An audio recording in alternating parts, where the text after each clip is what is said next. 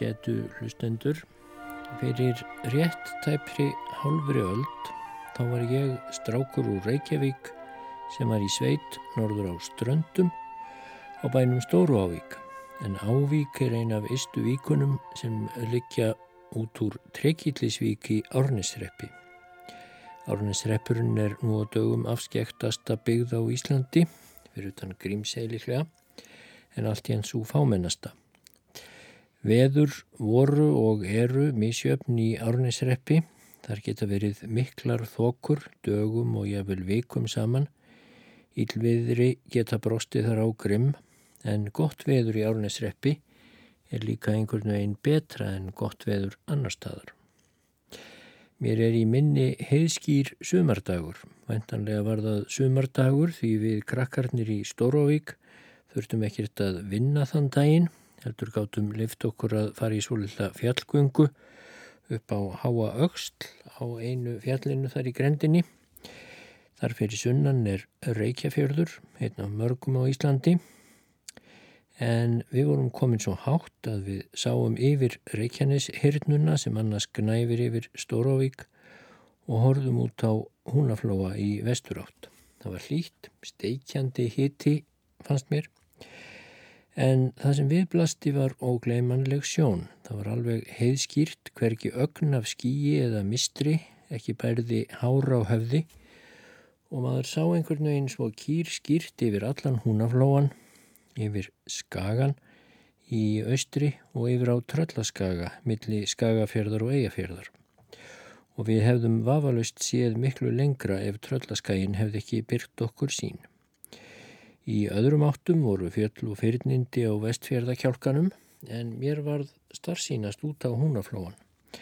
Hann blikaði svo blár í sólarbjörmanum að ég man ekki til að hafa séð sjóin svo bláan og allt í einu fór ég að hugsa um hvort við hefðum ekki getað fylst þaðan með flóabardaga eins og úr stúkusæti í leikhúsi ef við hefðum verið þarna krakkarnir í svona góðu veðri sömarið 1244.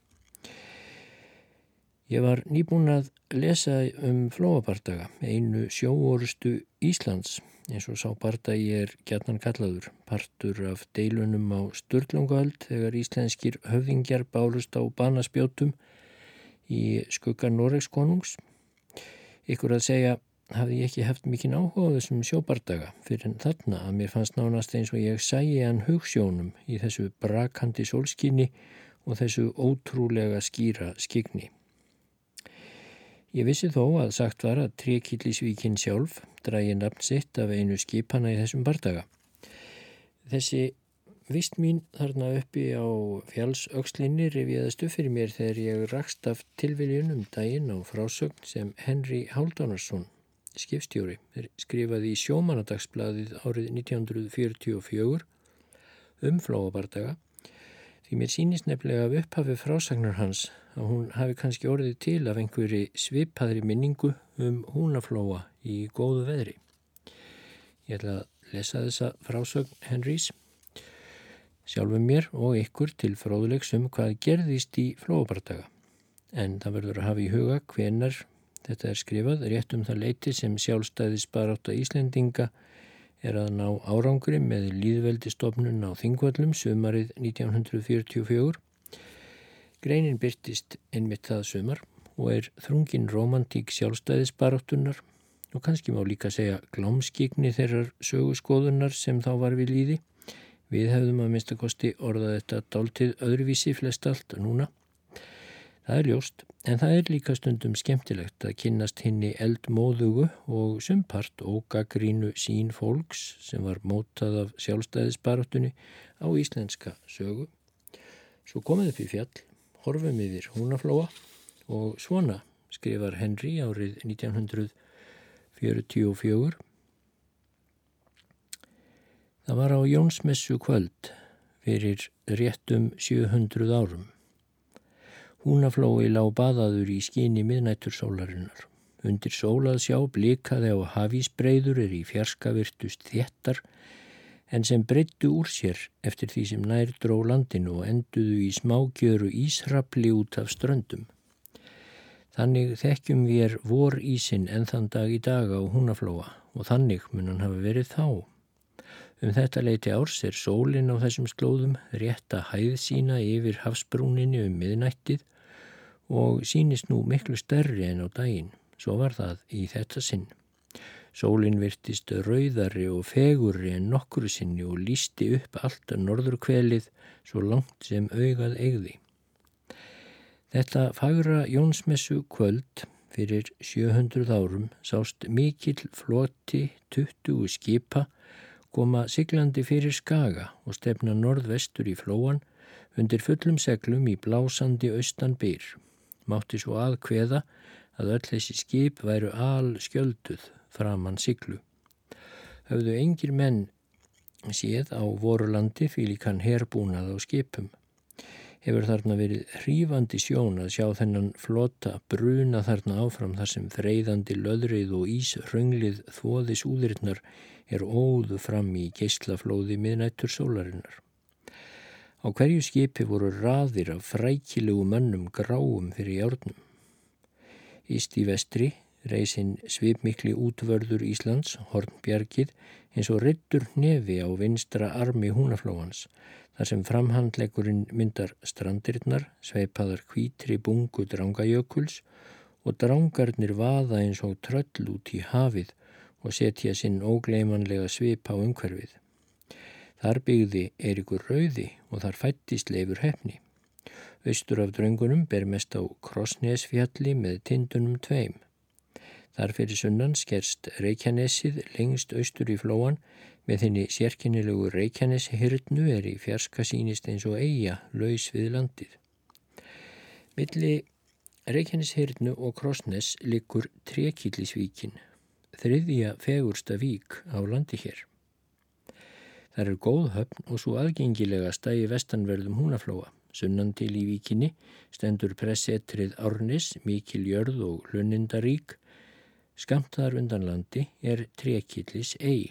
Í austur átt, lengst í fjerska, blámaði á fjallatoppana við Siglufjörð og fjöllin austan Skagafjörðar eins og eigjar er rétt tiltu sér á sjóin. En miklu nær sást skægin og vatnaði yfir hann að framann. Handan við hann og utan við Drángei var Selvíkin þar sem Kolbeinn ungi sapnaði saman öllum stórskipum á Norðurlandi til að ráðast á vestfyrði. Það var einmitt sá árásarfloti sem þarna kom siglandi. Kolbeinn ungi stýrði sjálfur því skipi er nær var hafhæranda og var þrennum bitum útlutað. Þar var kastali á við siglu eru það hinnar fyrstu sagnir sem við höfum um að stjórnpallur af einhverju tægi hafi verið reistur miðskipa á íslensku skipi. Í þann tíma var það síður erlendis að útbúa liftingar framan og aftan til á skipunum. Voru það nokkur skonar hróatildur úr gálgum, tréstólpar voru settir niður og reyrðir með böndum og styrtir með krossstöðum, ofan á upphækunina var sett golf úr plöngum en allt í kring var komið upp brjóstvörn fyrir varnarlið. Síðan var pallurinn klættur utan með borðviði eða skindum skinnum. Þessi virki voru kalluð kastalar þóttu hefði ekki þann styrkleika eða endingu sem nafnið bendir til. Í framkastalanum voru hinnir óbreyttu liðsmenn og ennþann dag í dag einmir eftir af þessu nafni í breskum skipum þar sem hásetaklefarnir eru kallaðir forecastle. Þótt þetta mikla lið væri vel búið og harla vígalegt, myndum en hafa verið mísjaflega gunnreifir á siglingunni því því er ekki að neita að margir fóru þessa för nöyðugir. Sjómennskan var heldur ekki þeirra sterka lið og þeir munu hafi verið einhverjir sem fórnuðu nestinu sínu hljóðlega og hóvarlega fyrir borð. Aftur voru þarna aðrir, vanir sjómenn og skipstjórnarmenn, svo sem sökkuguðmundur með svarfdælinga. Sökkuguðmundur stýrði mikilli ferju. Þarna var Ketil Gnúpsson með grímseyinga og stýrði miklu skipi. Þá hjaldi Helgason úr Leirhöfn með mikla ferju og Vígarútur er stýrði mikilli ferju en Vígarútur mun hafa verið farmaður.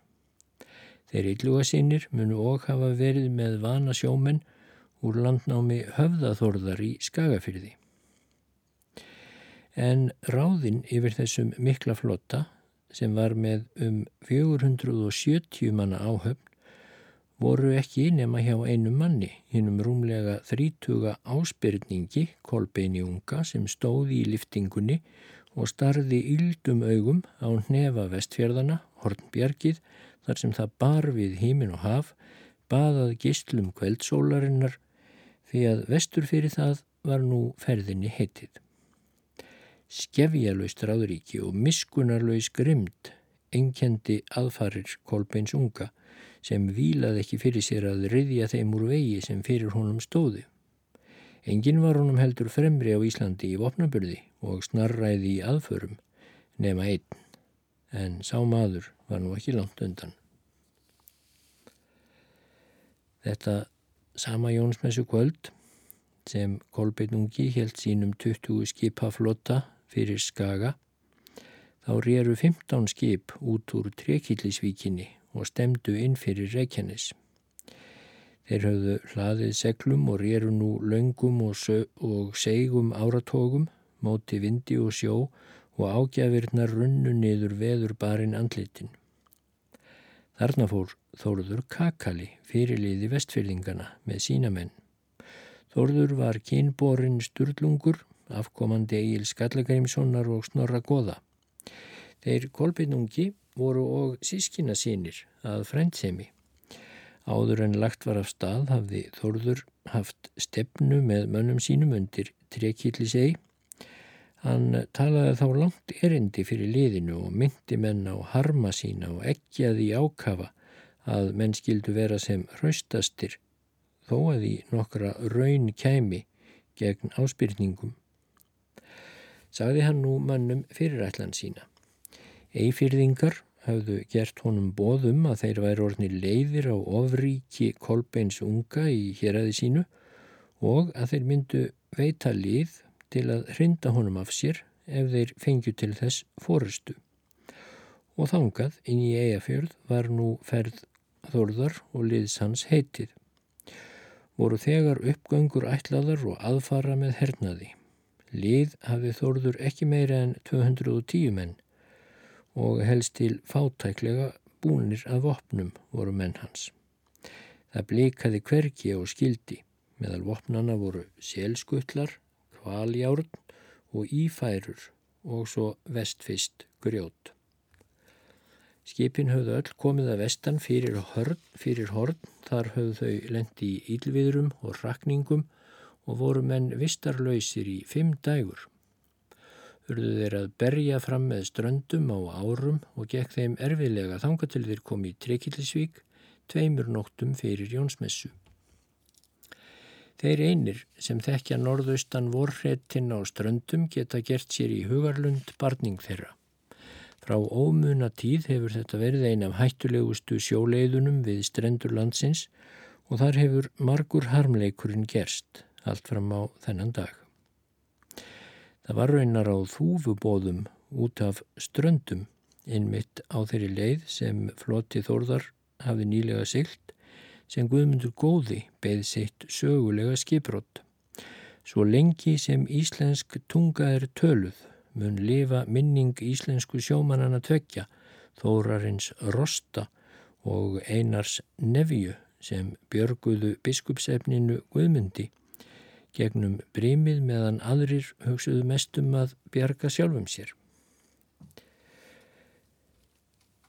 Ég hlýtt að brjótast hér inn í frásögn Henrys Haldónssonunar. Ég held ég verði nefnilega að segja að þótt íslensk tunga sé vissulega töluð enn hér á landi, þá lífi minning sjómanana Þórarins Rosta og Einars Nevju því miður ekki góðu lífi eins og hann var þó svo vissum. Og því ætla ég að glukka hér snakvast í prestasögu Guðmundar Góða, það er eitt af sturlungurittunum, sem eh, þar sem frásögnin af, eh, af eh, flóabardaga er líka að finna. Og úr prestasögunni er frásögnin sem Henry vitnaði hér til. Þetta er vissulega skemmtileg frásögn og dramatísk og minning þórarins og einars má alveg lifa.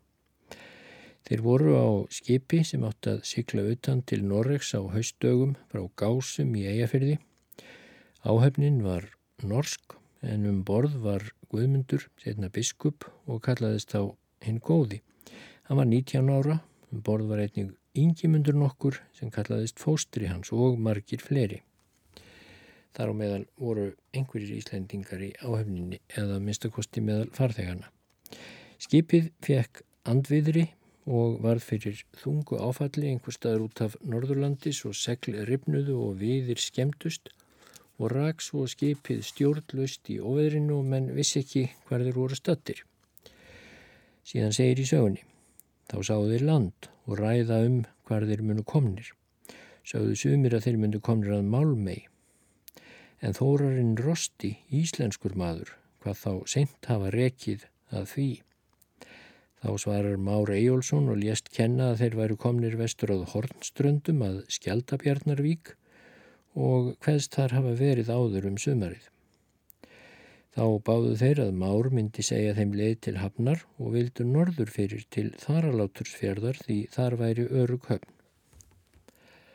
Þá var leitað um hvað til skada hefði orðið þegar skipið varð fyrir áfalli nokkur áður og gemur yngimundur að Guðmundi frænda sínum en áfallið hafði feltan inn í bátinn en fóturinn hægri hjekk út af borðinu og var fastur í seglinu. Yngimundur spurði hví Guðmundur stæði eigi upp. En Guðmundur hvað svo höfugt á sér að hann mátti eigi hrærast. Þá var rutt af honum en þó mátti hann eigi að heldur uppstanda. Og spurði Yngimundur hví hann mátti eigi uppstanda nú. Guðmundur hvað sér svo höfgan fótinn að hann mátti enn sig hvergi hræra. Mun eigi brotinn, spyr yngimundur. Egi veit ég, segir Guðmundur, ekki kenni ég til. Þá var aðhugað og var fóturinn brotinn á bátsborðinu, svo smátt sem skeljamóli og horðu þangað tær sem hæll skildi. Þeir byggu um hann í bátinum og eftir að þeir hafðu rakist nokkru meira um þóttust menn vissir um að vera komnir þar að landi á ströndum sem þúfubóðar heita. Þeir urðu brátt varir við bóðana og nú hefur þá rekið norður fyrir rekjarfjörð og þá gengur eigi lengra og leggja menn segl og kasta akkeri og uh, liggja um nóttina úti fyrir ströndin í vondu veðri. En að morgni taka þeir að flytjast til lands með viðum af skipi og högva trésitt og strengi á borði og letu sig reka upp að ströndinni. Þá var um það rætt hversu faraskildi með Guðmund, svo ítla serður sem hann var og tók til orðas á maður sem Bersi hétt og var kallaður Valbráð því að kinn hans önnur var kólblá. Því myndum við fara með fótbrotin mann. Þessa hættu för er við megum eigi bjarga sjálfum oss og skulum við skjóta honum fyrir borð. Þórarinn Rosti svarar, mæl þú allra manna armastur og skildi þér fyrir borð skjóta ef vel væri en hér munum við leita annars ráðs. Leipur hann þegar fyrir borð og einar nefja með honum annar Íslendingur. Þá víkur skipið svo að, að það stóð á grunni og láta menn Guðmund síga ofan í vaðmáli fyrir borð en þórarinn og einar taka við honum og helt um sitt hvort lær hvort þeirra og hann helt sinni hendi um háls hvorum þeirra. Þá gengu sumir á eftir þeim og reyndu að hlýfa þeim við áföllum og dróst svo hópurinn til lands og um, hallar skipinu frá landi og skólar þá til hafs út allt úr skipinu og braud skipið allt í spón en lítið kemur á land að fjárhlut. En brímið hratt þeim tórarni og einari og uh, byrðið þeirra upp að landinu og komist þeir að landi með Guðmund. Þar bjó fyrir sá maður er snorri hétt og var Arngersson. Hann var læknir. Hann tekur við Guðmundi og færir hann heim til sín og gerir við hann sem hann kunni best. En þá var festur fótur hans. Og var hann þar um veturinn en þegar þrjár vikur voru til páska þá kom Guðmundur norðan svo að út, úti stóðu leggjabrótin en þá og gekk hann við það norðan og kom á breyðabólstað inn Passione Domini og varð yngimundur fóstri hans honum fegin en hann hafði farið á breyðabólstað á endan honum. Þar var Guðmundur fram um Páskavíku en þá þótti ekki vera meiga lengur svo að eigi væri gert um fótans. Þá fór Guðmundur söður á Hóla og Reykjanes til Helga Prests eh, Skeljungssonar. Helgi var ágætur maður og hinn mest í læknir. Hann tekur við Guðmundi forkunar vel og er hann þar til lækningar fram um fardaga en bráttir hann kemur þangað þá bakar Helgi fótinn mjög og dróðu tveir karlar beinið með töng áður brott gengi en þá græðir Helgi eftir og varð Guðmundur nær heill þegar komað fardögum. Eftir fardaga fer hann norður á breyðabólstað. En vetur sá er Guðmundur var á ströndum var kallaður sótarvetur. Þá enduðust margir menn þeim er mikill skaði var að þótt biskup lifði. Nú Henry heldur áfram í sinni frásögn Þetta áfall er talið hafa gert Guðmund góða að hinnum sannheilaga manni og málsvara hinn að fátæku og smáu. En það varði líka upphafið að deilu áspyrninga við Guðmund biskup með hriðjuverkum í algleimingi sem þegar enginn þorði um að vanda eða satt að mæla. En hinn beina orsök flóabardagans sem nú verður skýrt frá, heldur hann áfram, var harmleikurinn mikli á örlikstöðum sex árum áður þegar Kolbin Ungi og Gissur Þorvaldsson, bandamadur hans, drápu Sigvatt, föður Þorðar og fjóra bræður hans og marga fylgdarmenn þeirra en tumi bróður hans komst í fjallið. Vestanmenn, sturlungar og bandamenn þeirra voru flettir vopnum og klæðum. Síðan réðu þeir Gissur snorra sturlu síni, tengdaföður sínum bana. Sturlungar og samherjar þeirra voru þannig drefnir eða ofsóttir en ríkið og völdin fjallu ofinnum þeirra í hendur. Kolbeitt ungi varð allsaráðandi á vestfjörðum og þrengdi mönnum til hlýðni við sig eða þeir urðu að sæta afarkostum ella. Vestfjörðingar voru treyir til eiða. Gísli á Rauðasandi saðist aldrei mundu sverja Kolbeini Arnúrsinni hotlustu eið. Lóks tókst eyfindi presti þóranin sinni, góðum manni og göfugum, að telja hann á að sverja kolbeini unga síni sínum, eið. En hann átti svon sem heitinn var í höfuðuð á kolbeini Sigvart sinni. Skildan gera þetta til að bæja ofriði frá héradinu og má þá vera réttur eður þinn er þú veist að í huga þér að þú þykist sverja síni þínum eið en ekki kolbeini unga en þeir sandabárður og dýrfyrðingar neituðu með öllu að sverja kolbeini eið. Þannig stóðu sakirnar er Þórður Kakali komað utan og tók að sapna líði til að hefna frænda sinna. Kom hann þá annað kort að bragði að við munum rétt af orðn hlut eða falla ella á, fæt, á fætur frændum vorum og er þar góður hver upp kemur. Hrafn Oddsson, dóttursónur Hrafsvein Bjarnarssonar sem misthafði móðurbræður sína á örleikstöðum, gekk strax í lið með Þórði þótt ungur væri. Hvaðst hann ekki skildu bæði vera, hvað hann ekki skildi bæði vera skildu að mega lítið veita honum og láta hann illa komast að því er hann gæti. Þá drifu að Þórði, tuðmi bróður hans, frændur hans, dufguð sínir, Svarthöfði, Björn Keikill og Kolbeinn Grön, Áskrimur Baulufóttur og fleiri. Þau átök sem nú eruðu millir Þórðar Kakala og Kolbeins unga eru öll hinn sögulegustu en verða ekki rækinn hér. Þau leitu óspart í ljóskvílikur afbörðamadur Þórður Kakali var og ósérlífin. Hann brindi fyrir mönnum sínum að þyrma konum og kirkjum, sjálfur strengdi hann þess heit í visslu og mýrum að láta aldrei taka mann úr kirkju, hverjar sakir sem sá hefði til við hann og það lofórð hjæltan. Þetta voru nú mótstöðumenn Kolbeinsunga og höfðu nægar sakir við hann, þótt ekki hefði verið bætt ofan á það að þetta sama vor hafði Kolbein ráðist með mikið lið vestur í sveitir í ílaræmda Reykjóla för, þar sem hver maður var barinn til meiðinga eða særður, jamt þótt sjúkir væru, saklausir, jamt og sekir og rænt því sem hönd á festi. Í þeirri för var drepinn Tumi, bróðir Þórðar, Björn Kækill og fleiri góðir liðsmenn.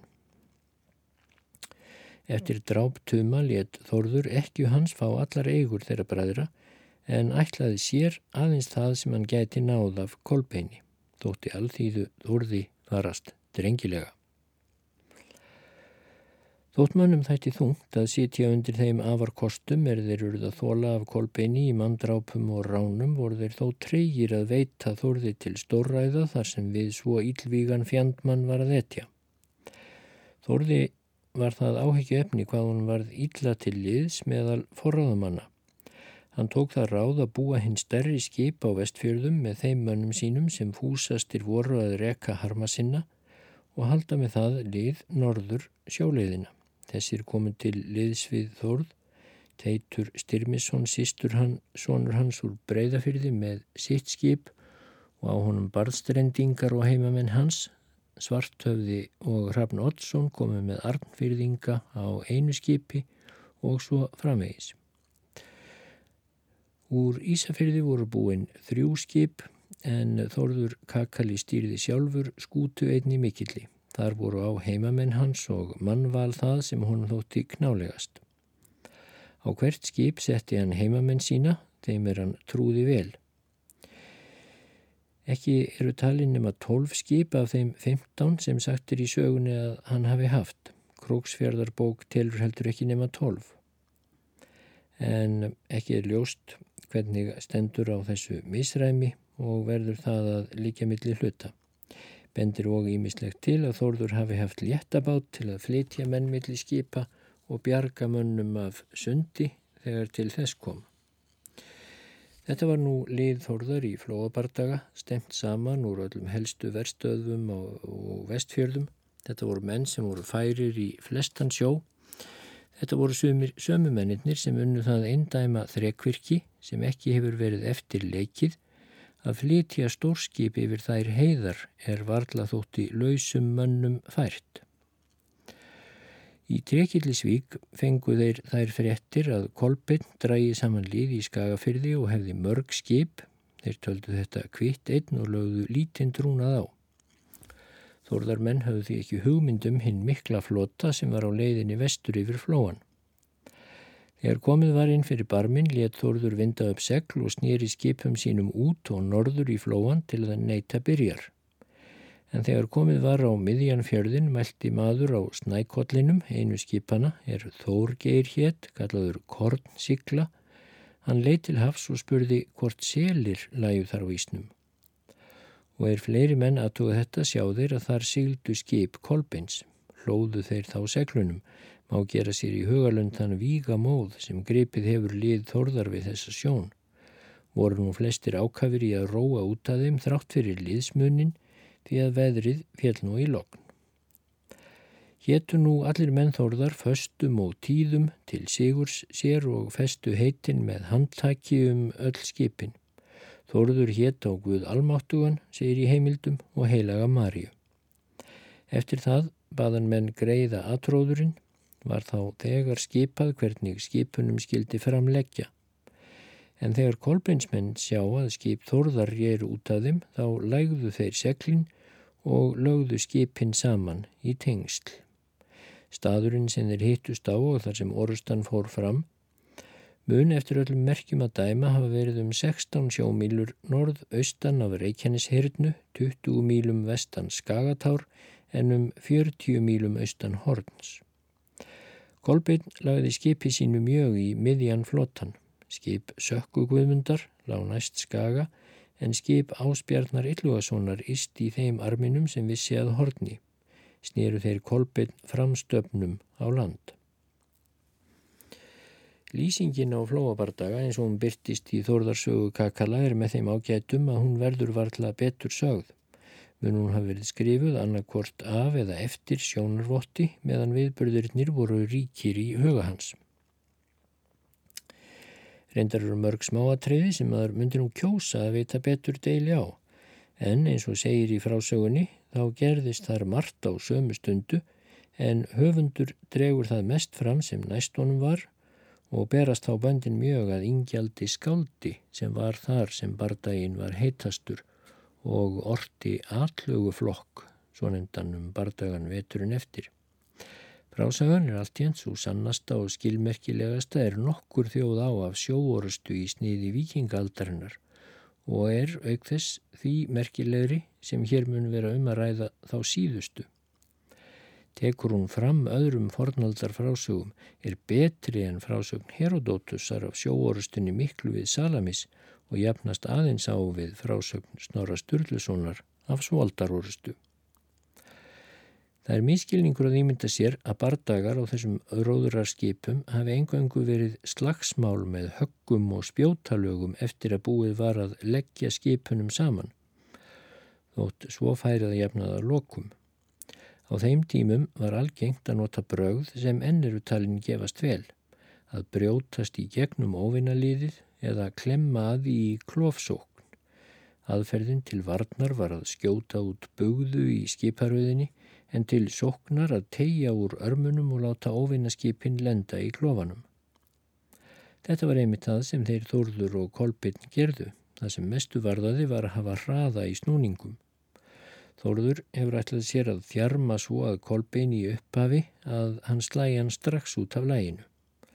Það hafa og verið ægilegar aðfarir þegar vestfyrðingar komu róandi með um 5 milna hraða og slóu hálf ring um norðanskipin. Þarna vissu þeir samankomna alla hinn að verstu fjandmenn sína. Þar voru með kolbeini fyrir utan þá sem þegar hafa verið nefndir menn eins og Einar Drægi Illugason sem veitti sigkvætti sjötugum, banasárið á örlugstöðum og stýrði nú skipi. Og fleiri voru þarna sem óþart er að nefna en vestfyrðingar vissu að þessir blíkandi skildir og vopn sem þeir áttu þarna að mæta höfðu annarkvort verið teknir af þeim sjálfum eða feðurum þeirra döðum á örlygstöðum. Í atróðurinnum var skipum Þórðar svo skipað að í vestararminum sóttu fram ísfyrðingar á ógnarbrandinum á móti skipi áspjarnar Yllugassonar en því næst Þórður Kakali á sínu skipi en þá var skip Helga Haldurssonar og næst því skip Teits Styrmissonar. Þegar menn voru í kallfæri, gekk Þórður fram í stafn á skipi sínu og bauð eifyrðingum og öllum mönnum austan Öksnadals heiðar grið. Þótti kolbeinsmönnum þá ekki örvænt að eitthvað myndi digna hugur eifyrðingara sumra sem eh, frendur sína höfðu látið á örligstöðum og þá voru óbættir. Þá svarar einn á kolbeinsmönnum, bað óvinnin þeia og hvaðst aldrei sættast skildu myndu farast líka för sem tumi bróðurðinn fór í vor á hólum og því verri sem þú færir þig sjálfur til beinalagsins eins og hann komst að orði. Eftir það eftir korir tvekja heróp. Tókst nú harður bardagi og í fyrstu með grjóti og skotum skutum en þorðar svo hart að þeir kolpinn fengu eigi annað gert en hlýfa sér um hríð. Hallaðist nú bardaginn í fyrstu á Norrlendinga kom það af tvennu að kolbeinsmenn höfðu aðeins lítið eitt af grjóti á tveimur skipum en þórðarmenn höfðu hlaðið hvert skip fullt af grjóti. Þetta mun þó ekki hafa ráðið mestu því að miklu af því grjóti sem þórðarmenn kostuðu hafa hinnir náð og kastað tilbaka en styrkur mikill var að hafa skildina til að bregða fyrir sig. Hitt var þingra á metunum að á kolbeinskipum voru aðeins fáir mennir til verka kunnu á skipum, það er gagnværi að, en á þórðarskipum var hver maður öðrum kenni. en hvorir tvekja höfðu hitt besta mannval til vopnaviðskipta. Áður en grjóthríðinni var lokið höfðu kolbeinsmenn rokkið aftur fyrir siglu á sínum skipum, eggjaði þórður þá fast sína menn að greiða uppgöngur á skip óvinnana. Ísfyrðingar á Ognarbrandinum gengu fyrstir á skip kolbeins með Eyjólf, Nikolás og Sigmund í fararbrotti. Kolbeinsmenn hertu þá mjög að þeim og báruð á alla fyrir borð á spjótum og voru þeir dregnir af sundi upp á skip sín. Tókst á mannfall mikill og hallaðist mest á lið Kolbeins. Gekk enginn djarfilegar fram af þórðarmönnum en hann sjálfur. Ingjaldur segir í bálknum allögu flokki að Þórður hafi vaðið fyrir skjöldu og unnið flest vopnaviðskipti sem hann átti í höggi við menn. Það lítið vafamál að norðan menn hefðu tapað þarna orustunni ef Kolbein sjálfs hefði ekki notið við. Hann var þó ekki heil helsu og hafði sér lítið í frammi en stóð við siglu á kastalanum á skipi sínu og skipaði fyrir. Hann hafði því besta aðstöðu til að gera sér grein fyrir gangi bardagans. Tók hann nú óspart að nota varaliðið og sendi leirhafnar hjalta og fleiri til að ráðast að baki þórði er það eigi meðal skömm, sagðan, ef þeir vinna yður með þeim fáu og smáu skipum gegn hinnum mikla skipsabla sem við höfum að dreyið. Þorður sem hafi lítið deildarlið varðu nú einnig að snúast gegn snarpasta liði kolbeins sem reyðist nú aftan að honum. Snýran þá sjálfur upp á skip hjalta, lagðan í gegnum Brynju og allt saman og nýstan þannig döiðan út fyrir borð. Var skip hjalta svo rutt svo vandlega að nálega hver maður var dreppin eða fyrir borð borin. En meðan Þorður hafið þetta að starfa hafðu kolbeinsmenn komið stafnljám á skipans og dreyið það inn á milli sinna skipa. Þar fjallu fjórir af stafnbúum Þorðar, er ekki vildu þoka. Þeir Án Áskelsson, Snorri Loftsson, Steinolfur Þorbjarnarsson og Klement Smiður. Síðar, þegar þeir reyndust með lífsmarki, voru þeir högnir fyrir borð nema Snorri Loftsson. Verðast ekki aðrir menn Þórðar hafa fallið í bardaganum. En nú varð Þórður að leita á önnur skip með sína menn sem fallið var í hendur Kolbeini. Gerðust þá hlaup á milli skipa. Kolbein Grön og Teitur Styrmisson og fleiri sem ráðist höfðu upp á skip Kolbeins voru hraktir tilbaka. Í hægra arminum hafði sandabárður og menn hans felt sökku guðmund og hróðið skip hans. Um tíma var staðarferjan úr holdi svo hlaðin af mönnum að sjór fjallinum söksinn og háborurnar. Leituð þá margir yfir á rauðsíðuna sem var borðhæst skipana. Þá gerðu kolbeinsmenn harða hríðað ógnarbrandinum og komu á hann akkeri. Hendi þorður sér þar inn í bardagan með sína menn og var þar ægilegur aðgangur þegar norðan menn báru kennsla á þórð. Laug svo þeirri hríð að þeir eh, komu af sér akkirinu og var þá engin ósár af þeim mönnum sem gengið höfðu með þórði. Drengdi nú svo að teinæringunum að þeir tók að högva sig úr tengslum nema þeir Helgi Haldursson, svarthöfði sem hafi fengið stór sár bað Sigurd vegla á að leggja að og taka sig hvað hann Sigur unnin að sinni þann Sigur sem auðið yrði. Um það leti var svo óður vopnagangur á skipi Kolbein Stugussonar að menni heldust þar ekki við og stóð hann að lokum einn eftir. Var hann þá gripinn af sínum mönnum sem dróðan öfugan milli skipana til sín en í því fekk hann fjögur sár, þrjú í lærið og voru tvö í gegnum það en eitt í ylinaða neðan og skorið út millir tanna.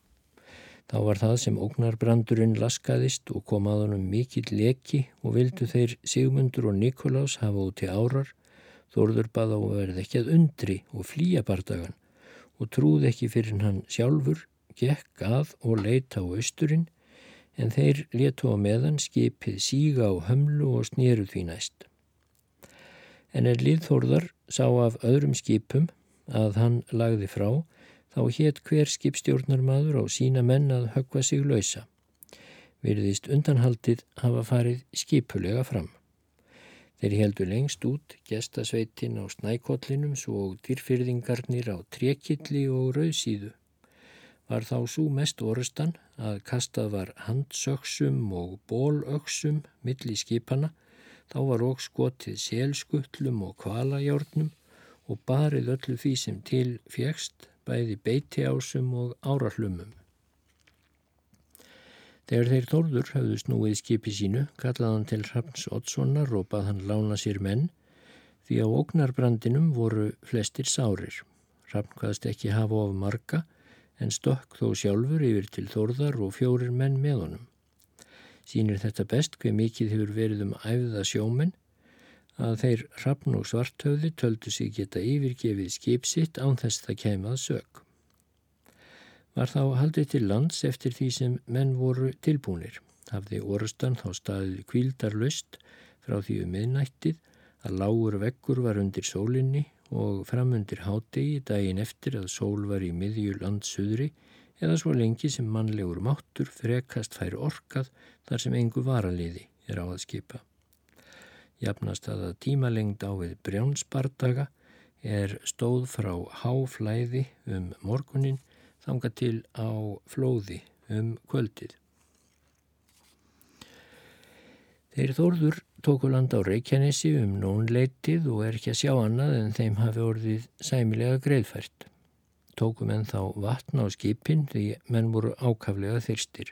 Rauð síðan og tríkillirinn höfðu orðið síðbúnust var Þórður um tíma hugssjúkur út af þeim en fagnaði því meir þegar hann sá þau setna um daginn koma róandin á Trekillisvíkina. Hauðu þeir sandabarður látið allar árarnar nema fjórar. Bjarni af mýrum lagði að þeim, tók af þeim næri þrjáttíu menn og fekk þeim árar svo þeir voru allir vel færir. Sagan um það hvernig Þórður sá hennum særðu borgið og kom þeim og öðru liði sínu undan er öll hinn drengilegasta, þakkaði hann nú mönnum sínum drengilega framgöngu og hvaðst ekki vilja leiða þá að nýju í háskan fyrir sínar sakir því sér væri meira virði einn góður drengur en allir þessir skipstötrar. En þeir kolbeinn lágu eftir á hafinu og hefur verið harta þeim sorfið. Af liði þeirra hafði fallið yfir 70 manns en fjöldin allur var sár. Fjekk Kolbeinn til tvö skip og liðfæra menn til að flytja líkin og sára menn norður til Skaga. Tóku þeir þá kvíld, byðu byrjar og mötuðust. Eftir það let Kolbeinn reysa viðuna og taka til segla.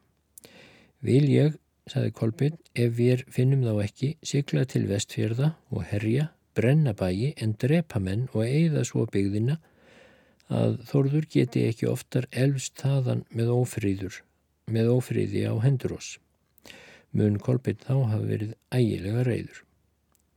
Þegar þeir Kolbeinn komið til stranda voru þeir Þórður hins vegar á bak og burt, hafðu róið norður fyrir strandir, en áskrím Baulufót fundu þeir helsærðan með hjúkrunarliði í fjalli einu og drápu hann.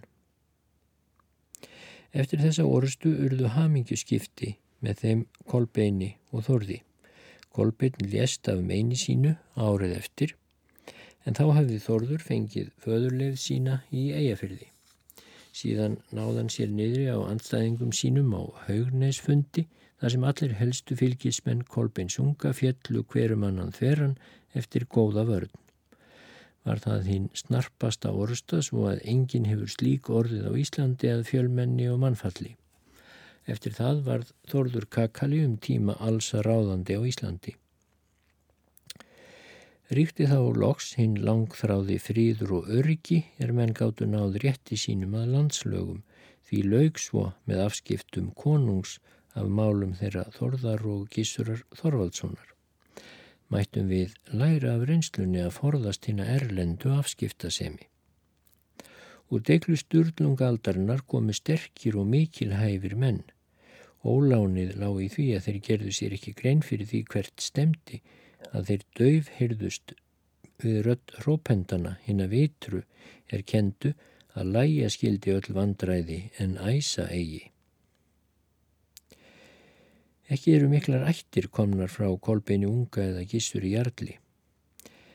En eh, Kolbeini hefur verið þakkað það að hann var í litlum þingum með konung en fáir minnu fremur en hann hafa valdið því að landsmenn völdu fremur að beigja sig undir konungsvald en eiga á hættu innlenda höfðingja á borð við Kolbein.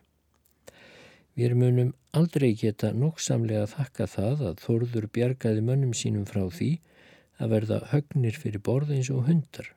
Frá þeim eru komnir margir hinnir nýtustu menn þjóðarinnar allt fram á þennan dag. Rafn Ottsson var til dæmis merkur höfðingi og hyrðstjóri er lést háaldraður af sárum í herrferð mót dönum. Hefði svartöfði ekki orðið grættur þá myndum við varðla hafa eignast flategjarbók en svartöfði var afi gísurar galla, hyrðstjóra á Íslandi sem heimti skattan af finnum er þeir höfðu lengi haldið.